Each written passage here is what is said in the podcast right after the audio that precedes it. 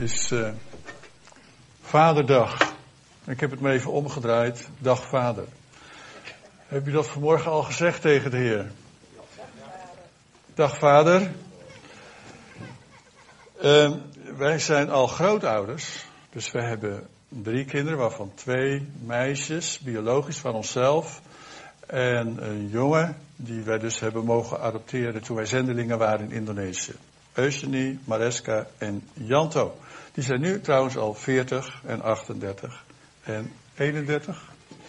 En hebben alweer kinderen zelfs. En ook alweer vaders en moeders. Uh, ze hebben acht kleinkinderen en de negende. We hebben acht kleinkinderen, de negende is onderweg. Maar ik kan me nog wel herinneren dat ik een keer. Je hebt het altijd heel druk in de bediening, ook op zendingsveld en ook in Nederland. Dat ik een keer met mijn dochters sprak en die waren al wat volwassen. Ik zei, joh, wat heb ik nou niet goed gedaan als vader? Het is wel eens goed om dat eens te vragen, vaders, want wij, wij zijn een klein beetje een afspiegeling van de hemelse vader. En we doen ons best, maar we weten ook dat we niet volmaakt zijn. Of wel? Ah, ja. Goed, dus ik zei, en toen een van de dingen die ze zei, Mariska weet ik nog wel, die zei van nou pa, je was wel heel veel weg. En dat hebben we wel gemist. En ik heb er met haar door, over doorgesproken en ik heb daar haar en ook de andere kinderen gewoon vergeving om gevraagd. Want zelfs het werk van de Heer kan je zo bezighouden dat je vergeet dat je eerste verantwoordelijkheid ook gewoon thuis is in je gezin. Het werk van de gemeente kan je zo bezighouden dat je soms de tijd vergeet die je gezin nodig heeft. Ik weet nog wel goed dat ze een jaar of vijftien werd, de oudste dochter. En ik weet niet, vaders, vaders en zonen zijn hele bijzondere relaties, maar vaders en dochters ook. En vooral als het komt om het beschermen van je dochter. Hè. Dat is toch eigenlijk, als Alisse 15, 16, het blijft toch jouw baby. En ik weet nog wel goed dat die deurbel bij ons voor de eerste keer ging en er stond een jongen voor de deur. Ik dacht echt van wie ben jij, wat kom je doen? Ja, ik kom voor, uh, voor Eugenie. Nou, ik dacht bij mezelf, ja, blijf van eraf. Weet je wel, Eugenie is van mij. En ik dacht heel stiekem in mijn hart van, ja, moet je even horen, ze is net uh, bezig met haar karateoefeningen. Ze komt zo, zo, zo meteen wel naar jou toe. Vaders hebben wat, hè, toch, met hun kinderen. Ik wil vanmorgen eigenlijk uh, naar een hele bekende tekst en van daaruit wat, wat verder uitweiden. En die tekst vinden we eigenlijk in Matthäus 6, vers 9. En die geeft de Heer Jezus onszelf die woorden. Bid dan zo, onze Vader. De Heer Jezus heeft ons geleerd dat God eigenlijk Vader is. En ook het karakter, het hart van een vader heeft. En als wij dan daaraan denken, dan denken wij zoals, dan is hij zoals ons. Nee, hij is de oorsprong van het vader zijn. Wij zijn daar slechts een afspiegeling van. En we proberen dat zo goed mogelijk te doen, toch, vaders? En uh, dat lukt ons vaak. En soms ook niet. Maar hij is de oorsprong. Dus als we aan God de Vader denken, dan moeten we ook eraan denken van, wat was dat beeld van God dan, van dat vaderschap? Het zijn waarschijnlijk de bekendste woorden uit de Bijbel. Onze Vader. Ik weet niet of jullie wel eens op een begrafenis zijn geweest. Ik heb heel veel begrafenissen mogen doen, ook gewoon, ja, omdat ik heel veel mensen heb gekend en ook de gemeente ben geweest waar heel veel mensen waren. En dan is het aan het eind van zo'n begrafenis, bij het graf. En dan is het heel vaak dat er dan gevraagd wordt, dan bidden we het onze Vader. En er staan er zo'n 100, 150, ik heb wel eens tot 300 mensen gehad, vreemden. En die eerste paar woorden, die bidden ze allemaal mee. Zodra je begint met onze Vader die in de hemelen zijt, dan iedereen kent dat eigenlijk. Iedereen in de wereld kent dat wel. Maar de rest dan kent men niet helemaal precies. Maar het zijn toch wel de meest bekende woorden, denk ik, die mensen kennen van het christendom en van de Bijbel. Het Onze Vader, dat gebed. En die woorden. Nou, God beschrijft zich in de Bijbel. Hij wil zich laten kennen. En hij gebruikt ook omstandigheden en verhalen in de Bijbel waarin hij eigenlijk aan ons wil laten zien wie hij is. Nou, als ik zo een paar teksten met jullie um, eens doorneem, dan, dan kunnen we even zien dat het, dat het dus ook zo echt zo is. De hele Bijbel staat er vol van, maar een paar mooie zijn Psalm 68 vers 5 bijvoorbeeld, um, waar staat dat God de Vader van de wezen en de rechter van de weduwe is. Dat is God in zijn heilige woning. Nou, wezen en weduwe is iets overkomen. Is iets weggevallen in hun leven. Dat was, dat was die, die man, die vaderfiguur. Dat is onrecht, of niet? Of, het, of ze er nou om gevraagd hebben, of niet. Niet waarschijnlijk. Maar het is een overkomen. Onrecht is een overkomen. En de Bijbel zegt dat God recht wil doen. Uit zijn vaderschap, vanuit zijn vaderschap, zowel aan de wezen, maar ook aan de weduwe. Daarom is het ook heel goed om aan hen te denken. Ook in de gemeente. Het is het belangrijk dat als gemeente ook een stukje van dat vaderschap van God met elkaar delen. Ook voor degenen die misschien ja, op dit moment geen vader meer in huis hebben. Want die zijn er ook, die gezinnen. Dat we als gemeente, als het ware, met elkaar kunnen helpen om dan dat stukje, misschien via het kinderwerk, iets van dat vaderschap ook aan die kinderen te kunnen laten zien. Dat is het wonder van de gemeente. Dat kunnen wij met elkaar op zo'n manier doen. Wat anders misschien niet zou kunnen. Een mooie tekst, een andere mooie tekst is Psalm 103, vers 13. Zoals een vader zich ontfermt over zijn kinderen, zo ontfermt de Heer zich over wie hem vrezen. Nog een andere tekst, Jesaja 63, vers 16. Toch bent u onze vader. Want Abraham weet van ons niet en Israël kent ons niet, maar u, Heere, bent onze vader, onze verlosser. Van oude tijden af is uw naam. Het vaderschap vindt zijn oorsprong in God zelf. Net zo goed als liefde zijn oorsprong in God zelf vindt. wij, wij, denken er wel van alles over. Maar het oorsprong van liefde komt bij God vandaan. De oorsprong van het vaderschap komt bij God vandaan. Wij kunnen dat misschien wel ingevuld hebben. Maar de oorsprong ervan is Gods idee. En dat is wel belangrijk, vaders. Dat als wij proberen iets van ja, dat vaderhart van God te weerspiegelen. Een jonge man, hè, want uh, ga er maar vast mee op oefenen. Want dat komt ook naar jou toe, waarschijnlijk. Dat, dat je dan daar ook bij die oorsprong het zoekt. Want soms krijgen we niet gewoon alles mee in het leven wat we daarvoor nodig hebben om dat te leren. Andere teksten, Matthäus 7, vers 9 tot 11. Ik ga gewoon even door de Bijbel heen een paar teksten laten zien waar elke keer weer dat vaderschap naar voren komt. Jezus zei, of is er iemand onder u die zijn zoon een steen zal geven als hij om een brood vraagt? Of als hij om een vis vraagt, zal hij hem dan een slang geven? Als u die slecht bent, uw kinderen dan goede gaven weten geven, hoeveel te meer? Zal uw vader, die in de hemel is, goede gaven geven aan hen die tot hem bidden?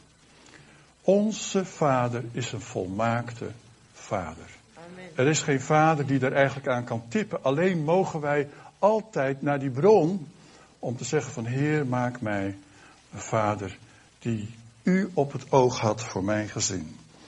Johannes 20, vers 17. Na zijn opstanding zei Jezus tegen haar: Houd mij niet vast, want ik ben nog niet opgevaren naar mijn vader. Maar ga naar mijn broeders en zeg tegen hen: Ik vaar op naar mijn vader en uw vader. De Jezus zegt onmiddellijk: Van mijn vader is ook jullie vader. En naar mijn God en jullie God. God als vader. Daar wil ik het vanmorgen dus eigenlijk over hebben. Ik heb een uh, foto uh, meegenomen van mijn vader.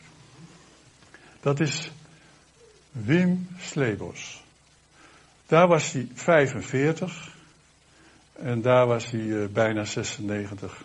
Hij is 96 geworden, dus ik heb nog een goede vooruit, goed vooruitzicht. Hè? Niet verkeerd. Mijn moeder is 89 geworden, dus ja, als de Heer ons zegent, dan, mag ik misschien ook wel zo oud worden. Misschien wel 100, hè? Kan je tegenwoordig. Wow. Maar uh, eh, 1905 geboren. Ja, hij heeft dus nog meegemaakt dat de stoommachine werd uitgevonden zo'n beetje. En uh, dat eerste auto er kwam zo'n beetje. Ja, dat is onvoorstelbaar hè. En dit was in 1950. Ik zal het maar gelijk vertellen, hoeven jullie er ook niet naar te raden.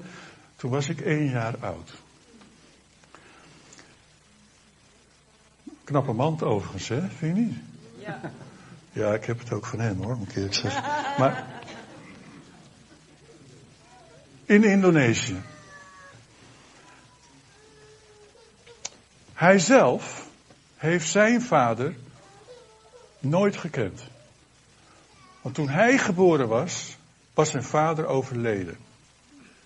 Dus hij werd geboren, zijn moeder was weduwe. En hij, heeft dus eigenlijk zonder, hij is dus zonder vader opgegroeid. En hij was ook nog het enige kind. Dus hij had geen broers en zussen. Dus ja, hij had eigenlijk niet een voorbeeld in zijn omgeving. Hoe, hoe vaderschap nou eigenlijk zou kunnen zijn. Hij had geen voorbeeld hoe een vader zou kunnen zijn. Hij had misschien wel ooms of dergelijke, of verder familie. Dus hij moest dat allemaal ja, zelf maar uitvinden. Voor de oorlog kwam hij tot geloof. Dus de, de Tweede Wereldoorlog, zoals jullie dat weten. Uh, in Indonesië was dat dus ook. Uh, de Japanners kwamen om Indonesië te bevrijden van de Nederlanders. Ja, niet zo hard zeggen, maar zo was het ongeveer wel. Dat gevoel, dat gevoel was zo. De Japanners hebben toen eigenlijk ook Indonesië bevrijd van de Nederlanders. Dat was natuurlijk een hele moeilijke tijd, ook, ook voor de Nederlanders, ook voor de Indonesische mensen. En wij, ik behoorde tot die groep Nederlanders, zoals je in Zuid-Afrika uh, wel kent, en ook waar trouwens Christian uh, bij hoort. Dat waren de kleurlingen. Indo's. Half Nederlander, half Indonesië. In Nederland door omstandigheden, maken we wel eens een grapje van. Indo's. Ja, wij waren de, wij waren de, kleurlingen eigenlijk. En wij werden dus ook opgepakt. Mijn vader werd opgepakt en um, werd um, in het Jappenkamp in Burma geplaatst. Waar de Burma Railroad, de bridge over de River Kwai, wie heeft die film wel eens gezien? Ja, nou, aan die, aan die spoorbaan heeft hij uh, gewerkt. Kwam eruit door een wonder, had veel van zijn vrienden verloren.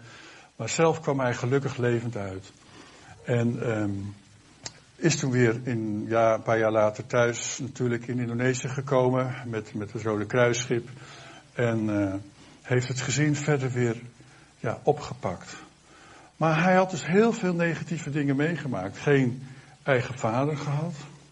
Zijn moeder werd ziek, dus als kind zorgde hij al voor zijn moeder. Nou, dat hoort een kind niet te doen. Een kind hoort niet voor zijn moeder te zorgen. Dat is niet goed voor een kind. Het gebeurt wel. Er waren ook omstandigheden waar ze niets aan konden doen. Maar het vaderschap in die zin had hij niet zo meegekregen. En ik weet wel goed dat voor ons dat best wel heel lastig was.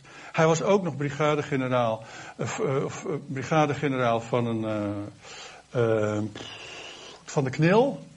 Koninklijk Nederlands Indisch Leger. Dus het was een stevig mannetje hoor. Wow, hij voedde ons op. Militair, militant werden wij bijna opgegroeid, opgevoed. Het was niet makkelijk voor ons. Er waren zeven kinderen, ik was nummer zes. Zo, dat, was, dat was een stevig huishouden. En aan de ene kant hield hij van de Heer, maar hij was niet makkelijk in die tijd. Later, toen hij 96 was, toen was hij al tien jaar bij ons, uh, of ik was daar alweer tien jaar in de gemeente in Alkmaar, voorganger.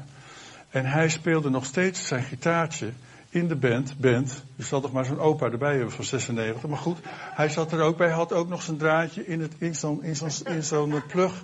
Alleen het stond niet aan. Maar goed, dat wist hij niet. Hij, hij deed nog steeds enthousiast mee. Opa werd hij altijd genoemd. En op een gegeven moment, ik was, ik, uh, de, de, de, muziek ging, ging het podium af en ik begon met mijn preek. En toen kwam hij als laatste en hij ging naast mij staan, deed zo zijn arm om me heen. En hij zegt, lieve mensen, gemeente, 700, 800 mensen. Hij zegt, deze jongen heeft het niet makkelijk gehad. Toen ik zijn vader was, want ik was geen makkelijke vader. Hij zegt, maar nu is hij mijn voorganger. En moet ik nu luisteren naar hem. Hij is zo zacht geworden in zijn leven. Van alles wat hij had meegemaakt is het zo veranderd. En hoe komt dat? Omdat hij, hij had geen andere voorbeeldsvader, hij had alleen maar de hemelse vader als voorbeeld. En ik denk wel eens vaders en moeders, er is nog hoop hoor, voor de vaders.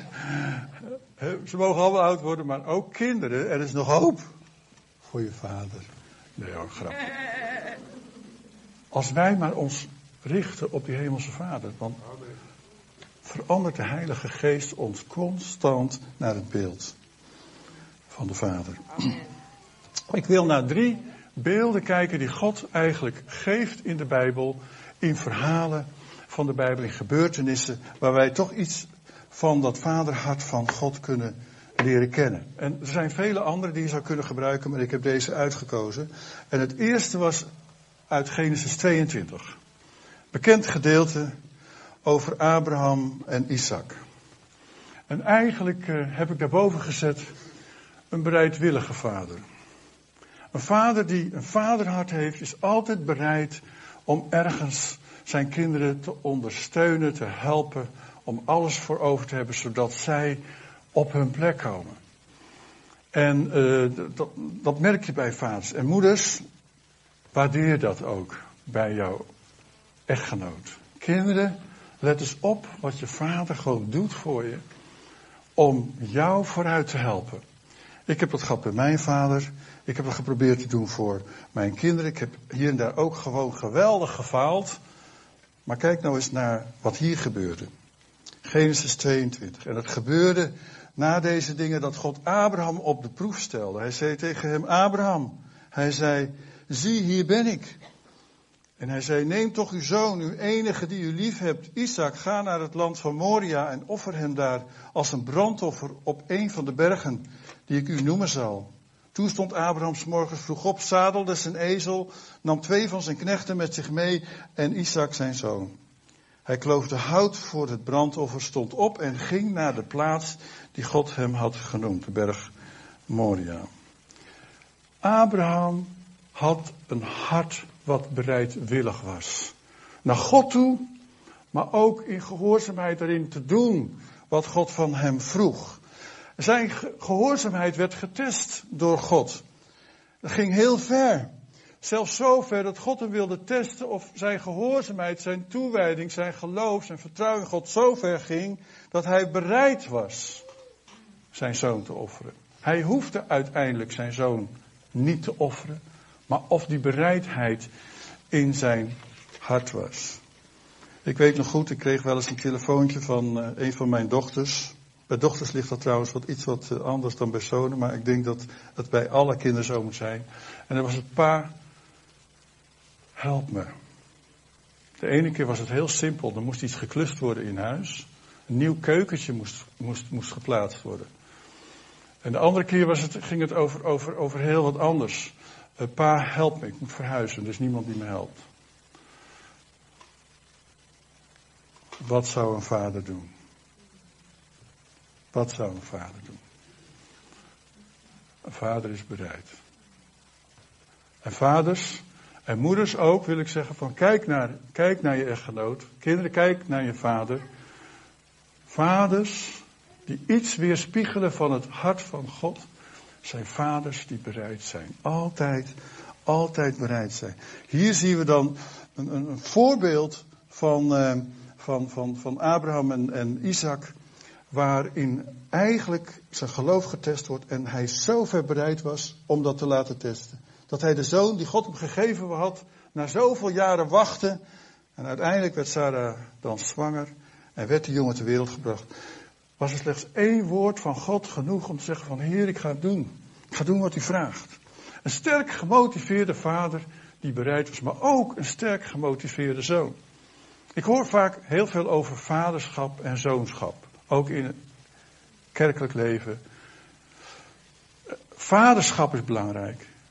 En die moeten weten hoe ze dat moeten invullen. Kijk naar de Hemelse Vader en vul dat in zoals de Hemelse Vader dat zou invullen. Maar zonen, Wees ook een zoon naar de vader toe. Ik merk nu dat ik als ik met, met jonge werkers werk in het land, dat ze echt naar me toe komen en zeggen, Peter, Wat zijn we blij met jou, je bent de oudere. En daar voel ik me dan ook dan gelijk wel weer heel erg oud bij. Maar zij, zij hebben wel dat goede gedrag van die zoon. Ook. Daar kiezen ze ook voor. Om in een goede verhouding tot hun vader uh, te komen. Of het een hemelse vader is. Of dat nou iemand is die hun managt, of, uh, die hun coacht, of die hun mentort. Als je vader bent, dan verbaas je eigenlijk over dat verhaal van Abraham en Isaac. Maar eigenlijk is het een beeld van God onze hemelse vader. Wij weten dat. Het hele verhaal is een typologie, is een afspiegeling wat God de hemelse vader voor ons deed. We weten dat uiteindelijk Abraham, toen hij dat mes hief om Isaac dan te doden als, en te offeren, dat uiteindelijk daar een engel van God kwam die hem tegenhield en God voorzag in een plaatsvervangend offer. Dus uiteindelijk hoefde dat niet door te gaan, maar zijn bereidwilligheid was er wel. Bij God, die dat eigenlijk als een, het was een stuk typologie voor wat Jezus voor ons zou doen, was het geen test. Bij God ging het om het echi. En uiteindelijk om leven en dood. Ons leven. Zijn dood van Jezus. En Jezus, zoals Isaac zijn brandhout naar boven droeg, heeft Jezus voor ons het kruishout gedragen, de heuvel van Golgotha op. Abraham kreeg een plaatsvervangend ram, maar Jezus, voor Jezus was er geen plaatsvervanging. Hij werd onze plaatsvervanging. Amen. Wij die zouden moeten sterven vanwege de zonde, vanwege de afscheiding waar wij voor gekozen hadden naar God toe. Hij bracht dat offer, zodat wij de, God, de, de weg naar God terug zouden kunnen vinden. De Bijbel zegt dat wij allen gezondigd hebben en daardoor de heerlijkheid van God mislopen. Toen, Abraham, toen Adam en Eva rebelleerden tegen God in de hof van um, in, in de hof, toen bracht dat scheiding tussen God en mensen voor de hele mensheid. En tot op de dag van de dag, tot op de dag van vandaag, is de mensheid zelf niet gestopt met zondigen. En in de Bijbel staat dat het loon van de zonde de dood is, de eeuwige, de geestelijke dood. Maar God, onze hemelse Vader, was bereid om daar een oplossing voor te geven. Hij was ook de enige die dat kon geven. Hij gaf zijn eigen zoon, zijn geliefde, het liefste wat hij had. Zijn schat in de hemel. Gaf hij daarvoor om te sterven in onze plaats, om dat offer te kunnen brengen, om de relatie met hem te kunnen herstellen. En om ook die eeuwige dood weg te nemen in ons leven. En door vergeving eeuwig leven terug te geven. Een bereidwillige vader. Een ander beeld wat ik in de Bijbel vind over hoe God is, vind ik in Samuel 18. Dat is eigenlijk een heel apart beeld. Een, rouwe en, rouwende en verdrietige vader. Som, we weten dat God heilig is, toch? Amen. En dat, er, ja, dat wat dat betreft je niet met hem kan marchanderen. Maar hij is ook wel een vader die verdriet kan hebben, die rouw kan hebben over als het met ons niet goed gaat. En dit gedeelte gaat eigenlijk over Absalom, de zoon van David, die in opstand kwam tegen zijn vader. Wie is wel eens in opstand gekomen tegen je vader? Kom op. Ja, ja, ja, ja, ja, ja. ja. Nou, ik had dan een hele strenge vader. Beetje af en toe, zo'n knilmannetje, die wel eens een beetje militant was. Af en toe, oh, jongens, jongens, jongens. En dan was ik ook van, ik wil nooit zo worden als mijn vader. Wie heeft dat wel eens gedacht? Ik wil nooit zo Ja, ja, kom maar. Ja, hoe oud ben je nu? Ga nog eens goed kijken. Ga nog eens goed kijken of je niet toch een klein beetje opgeschoven bent richting het karakter van je vader. Ja, dat gaat zo gebeuren.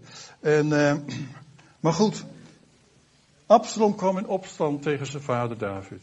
Hij wilde eigenlijk zijn vader David van de troon stoten. En uh, Davids loyale soldaten, onder een generaal met de naam Joab, die ging dus uh, op hen af om hen te stoppen. We weten, die geschiedenis staat allemaal in, in Samuel 18, als je het een beetje kent. In die strijd, terwijl hij op zijn ezel zat, bleef Absalons haren hangen in een boom. Kennen jullie dat verhaal? de ezel die reed gewoon door en hij hing daar. Kon niets doen. Kon niet bij de grond. En Joab, uiteindelijk, die dat hoorde. Andere mensen wilden zijn leven sparen, maar Joab nam drie speren, doorboorde hem en doodde Absalom, de zoon van David. Het nieuws werd aan David verteld. Nou, de, de eerste koerier die daar bij hem kwam, die durfde het eigenlijk niet helemaal goed duidelijk te maken wat er was gebeurd. Die zegt, er is wat gebeurd. En David dacht, oh, oh, oh, wat is daar gebeurd? De tweede koerier, die gaf daar gewoon duidelijk aan wat er gebeurd was. Laten we het lezen. En alles goed, en is alles goed met mijn jongen? Even denken aan hoe God over ons denkt, hè? Hoe God over jou denkt. Als je wel eens opstandig bent. Wie is wel eens opstandig tegen God? Ik, ik ben er wel eens geweest hoor. En af en toe nog. Dan denk ik. Is alles goed met mijn jongen? Met Absalom, vroeg de koning. En dan de tweede koerier, de Nubier, antwoordde. Mogen het al uw vijanden en al uw tegenstanders vergaan zoals uw zoon. Toen wist David, hij is gedood. Toen voer er een siddering door de koning. Jammerend trok hij zich terug in het vertrek boven de poort. Mijn zoon Absalom. Mijn zoon. Mijn zoon Absalom. Was ik maar dood in plaats van jij. Absalom, mijn zoon. Mijn zoon. Ik weet niet hoe dat in jouw leven wel eens is, als je dan wel eens opstandig bent tegen God. En wel eens eventjes zegt van nu even niet. Dan is God niet een veroordelend God. Je zegt van, oh ja? Wacht maar, ik zal je wel even krijgen. Nee. Dit is een beeld, want God openbaart zich in al deze verhalen. Van het vaderschap van God. Waarin hij jouw naam roept. Met een verdrietig, gebroken hart. Mijn zoon, mijn dochter. Mijn dochter. En dan vult hij je naam in. Oh, was het mij maar overkomen. Was ik maar dood in plaats van jij.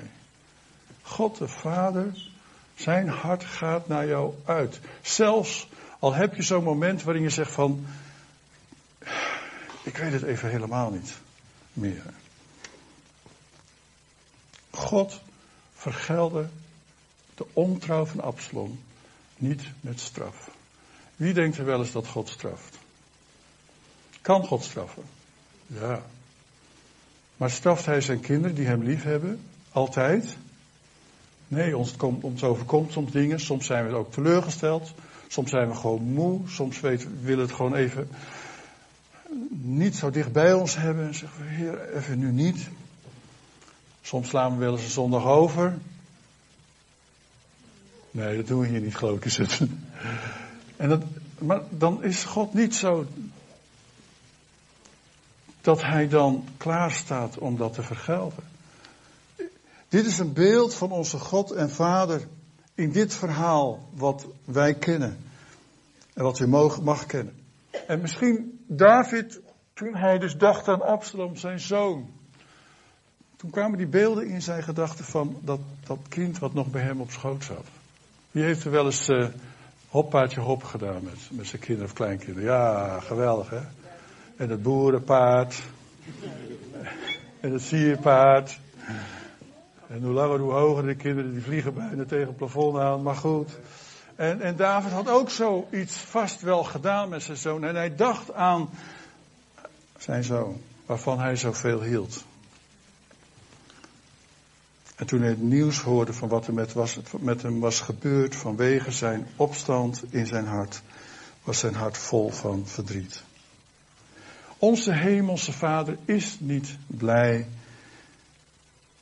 met kwaad of het verslaan van kwaad. Hij houdt van ons. We hebben allemaal onze rug wel eens een keer gekeerd naar Hem. Misschien vroeger heel lang in je leven, misschien af en toe ook nog wel nu als christen.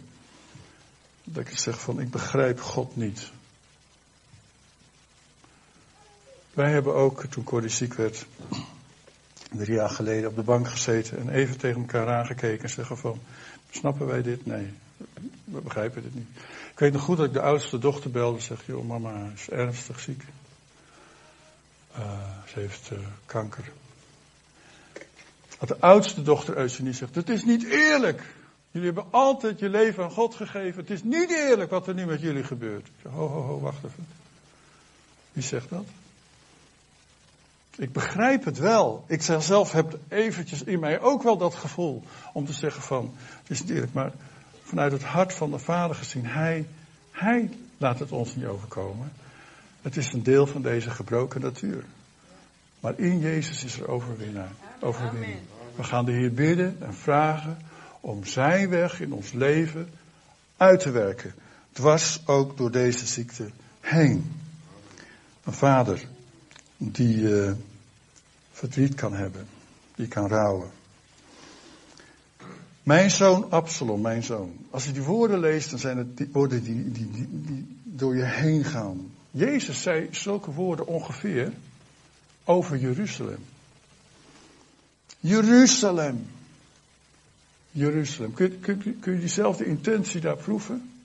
Jeruzalem, Jeruzalem, u die profeten doodt en stenigt die naar u toegezonden zijn. Hoe vaak heb ik uw kinderen bijeen willen brengen? Op de wijze waarop een hen haar kuikens bijeenbrengt onder haar vleugels. Maar u hebt het niet gewild. Maar God wilde wel hen bijeenbrengen. Ondanks. Ze hebben Jezus niet aanvaard.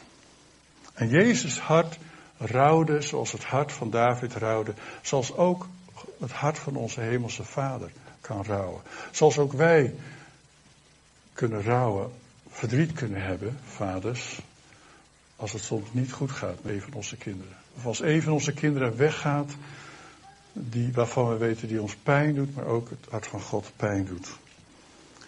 Daar kun je dan misschien veroordelend over zijn. Ik heb wel eens tegen mijn kinderen gezegd, wat je ook uitspookt. Dat, meen ik hoor. En dan denk ik van, oh heer, laat het alsjeblieft niet gebeuren. Ik zal altijd van je houden. Dan kom je in de gevangenis terecht, ik blijf je vader. En waarom kan ik dat zeggen? Omdat ik zo'n goede vader ben? Nee, maar omdat ik weet dat mijn hemelse vader dat voorbeeld is voor mij. En als mijn hemelse vader dat tegen mij zegt, zou ik het dan misschien ook kunnen zeggen tegen mijn kinderen? Oh, dat gaat wel tegen mijn gevoelens in hoor. Soms wel heel erg. Oeh. Maar wij hebben het beeld van de hemelse vader gekregen. Ik, ga, ik sla even wat over om tijd te winnen. Ik ga naar het volgende, het laatste beeld. En dat is het beeld van de wachtende vader. Ik vond het zo mooi, Victor wist helemaal niet waar ik het vanmorgen over zou hebben. Een klein beetje kun je dat natuurlijk wel vermoeden. Hè? Maar hij begon ook uh, over de verloren zoon en dat verhaal. En daar kun je heel veel preken over horen. Maar ik zie in dat verhaal de houding van een wachtende vader. Dat valt mij erin op. Er zijn vele dingen die je kunt, eruit kunt halen. De twee zonen, de oudste zoon, er is ook alweer een preek over. Maar ik zie daar een wachtende vader in dit bekende verhaal. Een zoon die weggelopen was van huis, zijn eigen weg wilde gaan, erfenis had opgevraagd en eigenlijk dat ver, ver, verbraste en een grote puinhoop van zijn leven maakte, in de ellende terechtkwam en toen weer dacht aan thuis. En ik weet niet hoe het met jouw leven is. Soms hebben we wel eens van die momenten dat we gewoon helemaal onze eigen weg even willen gaan. Dan zeggen nu even niet. Heer, nu even niet. Ik wil even hier in mezelf mijn eigen keuzes maken.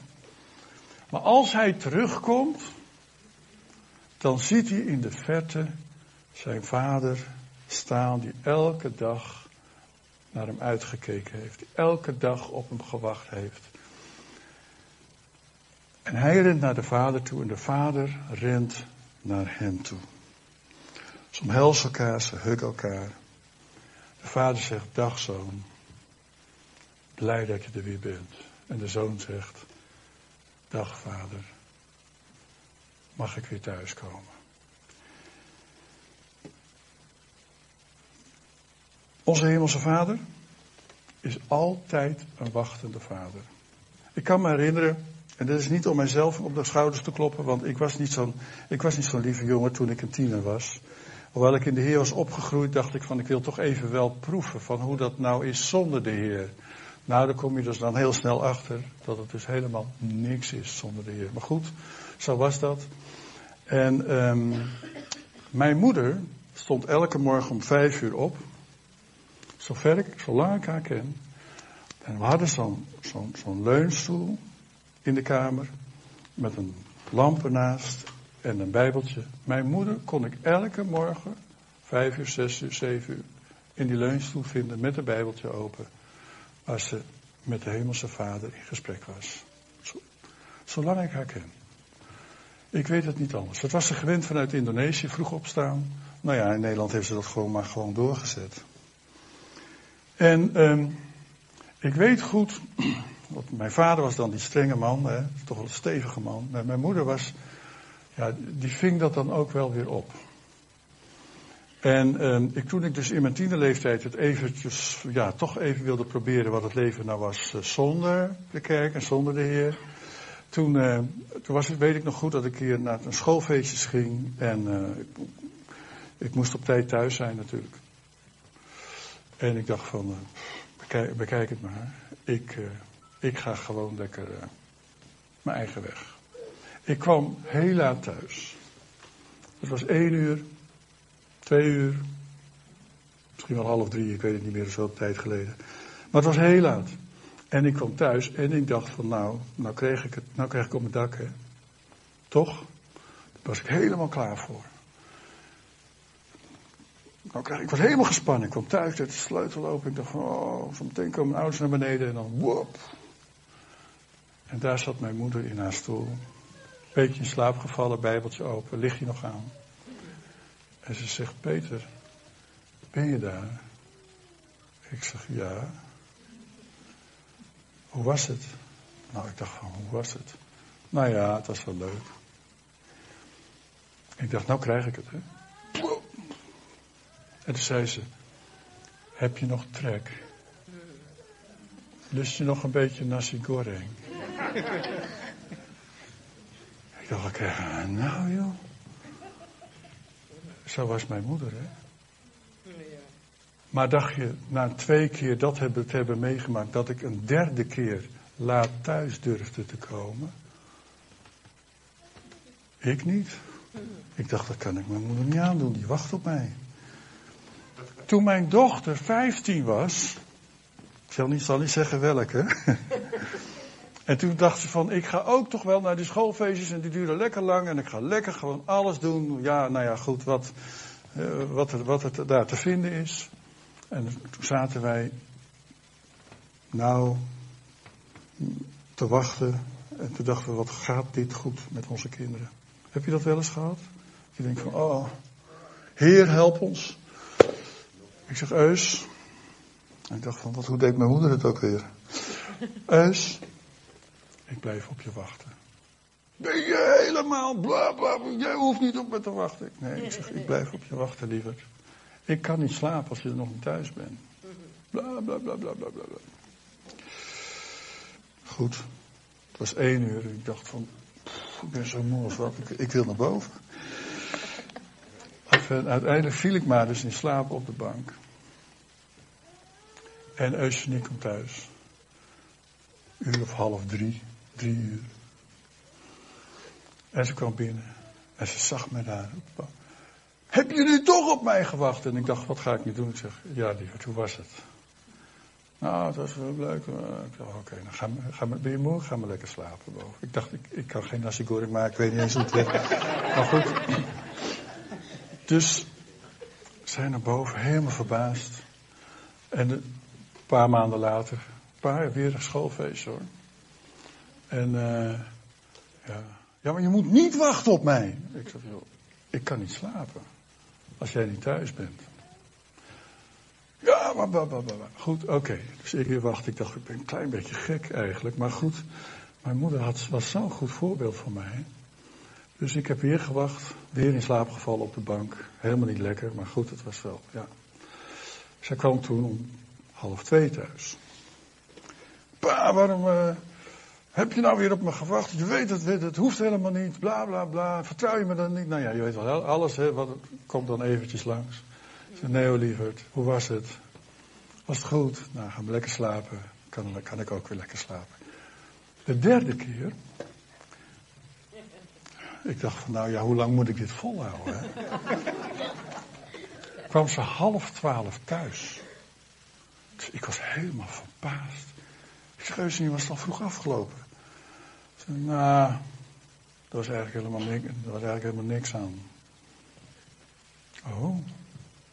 Nou joh, ga maar lekker slapen. Wat ik hiermee bedoel, hebben wij dat van onszelf of, of proberen wij iets te weerspiegelen van wie de Hemelse Vader voor ons is? Hij wacht op jou, hij wacht op mij, hij wacht op ons. Als jij God niet kent in je leven, als je Jezus niet kent in je leven, de Hemelse Vader heeft al lang op jou gewacht. Ja, maar ik heb een zootje gemaakt van mijn leven. En uh, uh, straks dan, dan, dan, dan, dan heeft hij vast zijn vingertje over mij. Nee, zo is hij niet.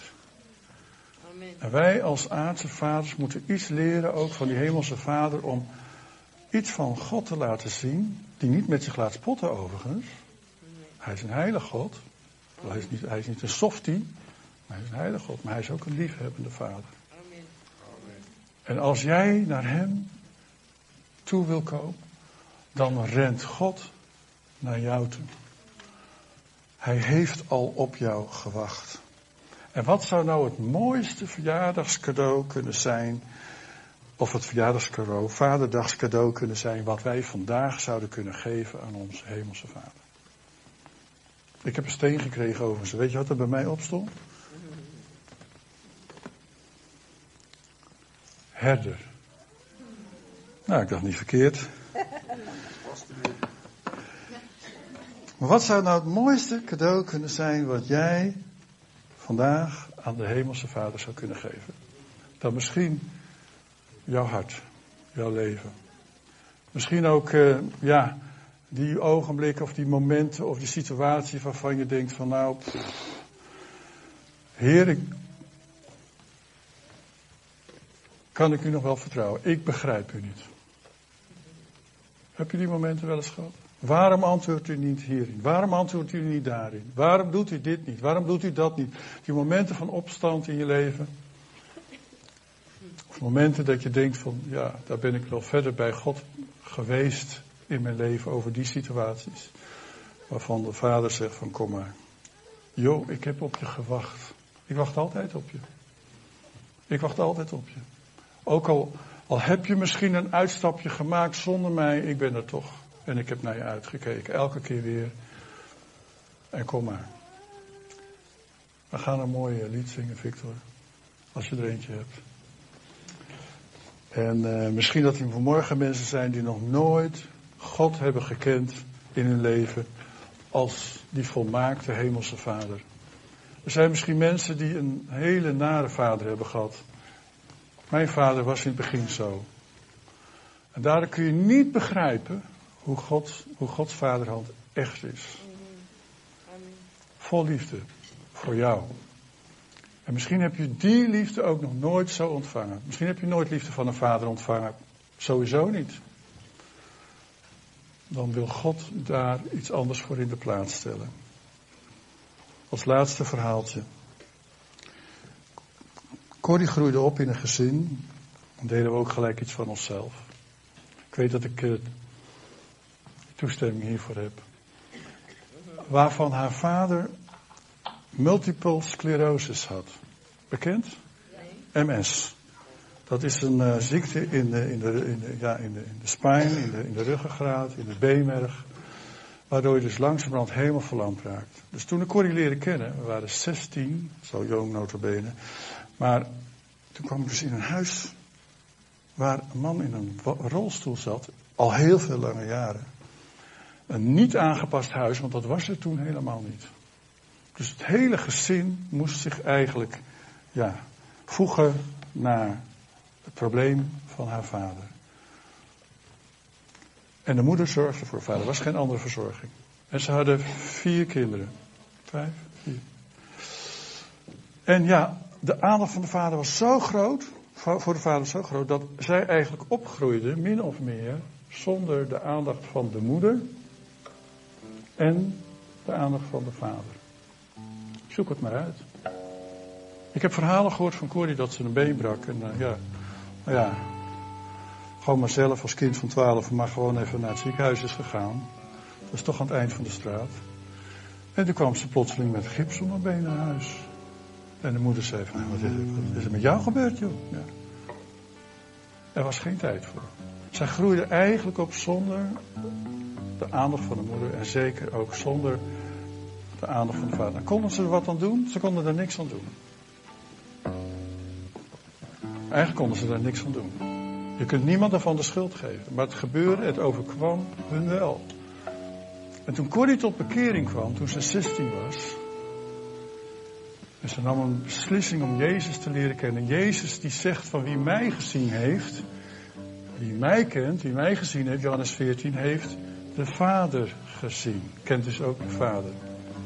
En ze zegt, toen werd dat gat in mijn ziel wat ik had, omdat ik niet een echte vader in die zin had, die zo vader kon mij, voor mij kon zijn zoals het eigenlijk bedoeld was.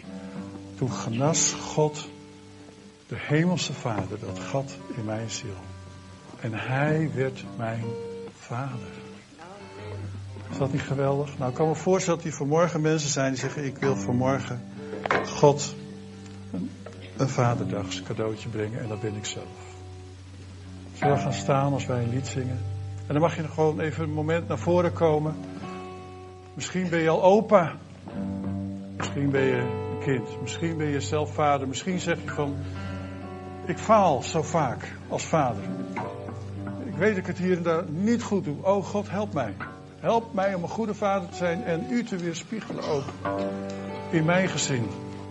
Iets van uw vaderhart te kunnen laten zien aan mij. We een moment ook als vaders dan hiervoor elkaar vasthouden en zeggen van Heer, help ons, zegen ons, toon meer van uzelf in mijn leven. Amen. Laat dat ons vaderdags cadeautje zijn voor de Heer.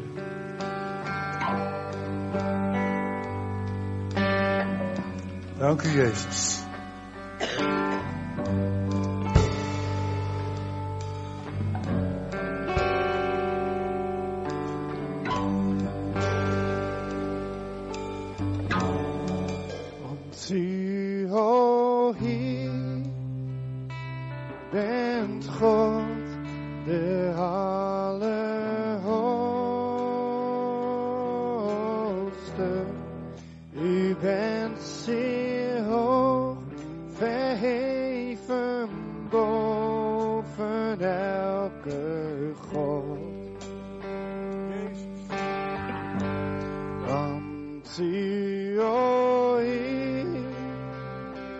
There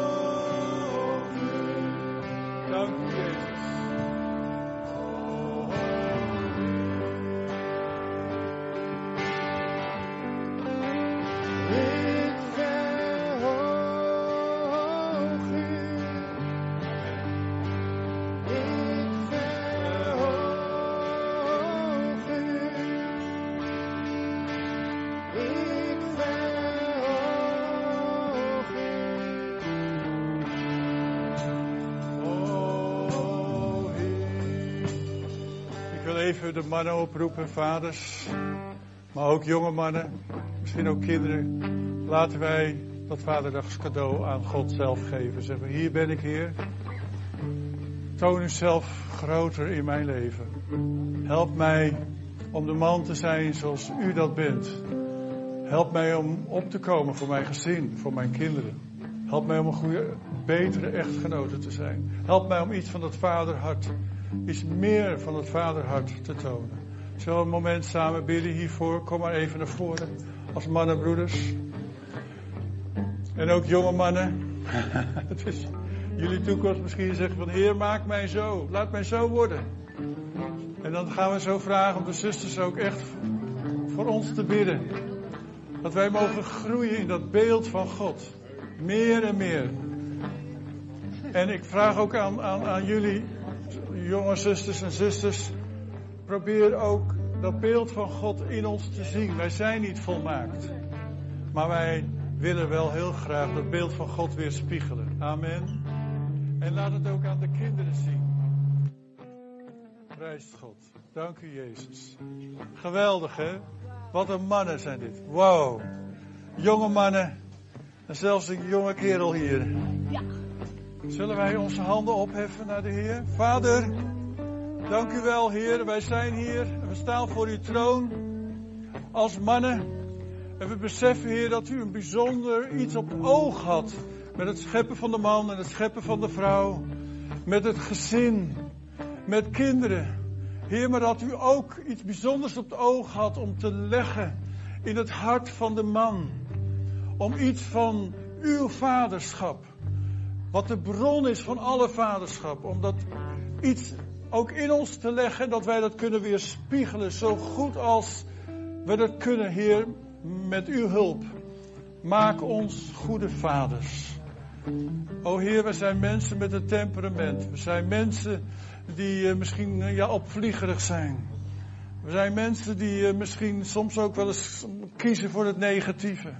We zijn mensen die het moeilijk vinden, Heer, om ook daarin wijsheid te vinden. Maar Heer, wilt u uw volmaakt vaderschap meer en meer in onze levens openbaren. Zoals ik denk aan mijn eigen vader, Heer, die door zo'n moeilijk leven ging. Die verantwoordelijk was voor zeven kinderen, naar Nederland kwam. En o Heer, wat heeft hij geworsteld. Heer, hij heeft nooit zelf een voorbeeld gehad hoe een vader zou kunnen zijn. Maar hij heeft het in u gevonden. Oh, wat een liefdevolle, milde vader was hij aan het einde van zijn leven. Wat een voorbeeld voor mij. Heer, maak ons zulke vaders. Laten we elkaar even de handen, de handen op elkaar schouders leggen. En zeggen van Heer, zegent zo mijn broer naast mij. Moeders, jonge vrouwen, zusters, bid voor deze mannen. Dank u Heer voor wie ze zijn. Dank u Heer voor het vaderschap en laat meer en meer van uw hart openbaar worden in het hart van al deze mannen. In de naam van Jezus. In de naam van Jezus. O Heer, stel ons tot een zegen voor velen. Als ik denk aan de kinderen die misschien geen vader hebben of niet echt een vader aanwezig is in deze gemeente. Heer, dat ze toch iets van uw liefde mogen proeven door deze mannen heen. Heer, u gebruikt de gemeente op die manier. Misschien in het kinderwerk, misschien in het tienerwerk, misschien in het jeugdwerk.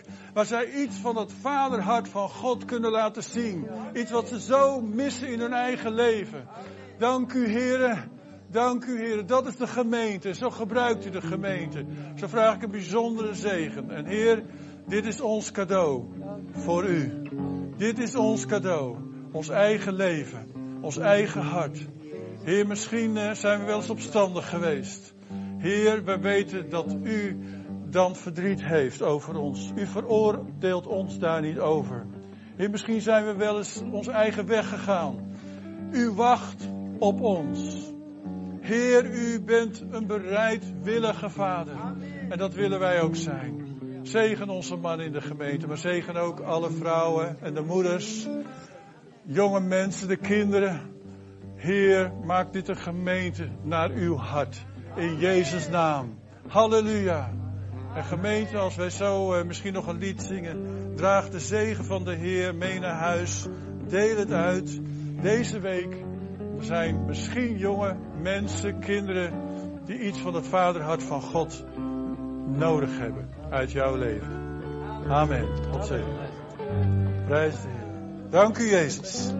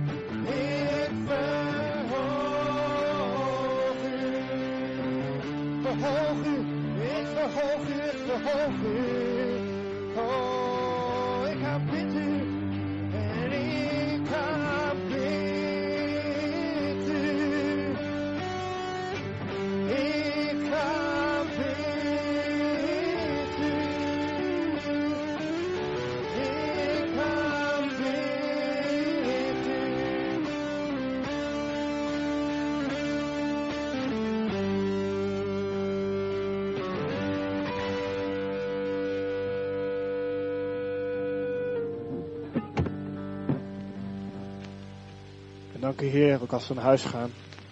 Zegen ons, laat ons een voorbeeld zijn voor onze kinderen, voor onze omgeving, voor onze broers en zussen, collega's, studiegenoten, vrienden. Ook op deze vaderdag, in Jezus' naam. Wees gezegend, ook op deze vaderdag.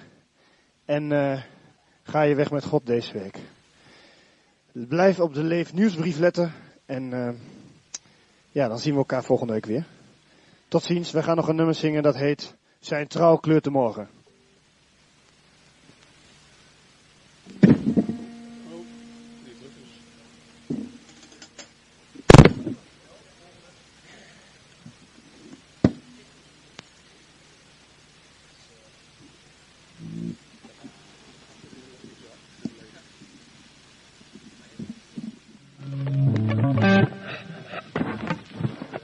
Oké, alles staat weer.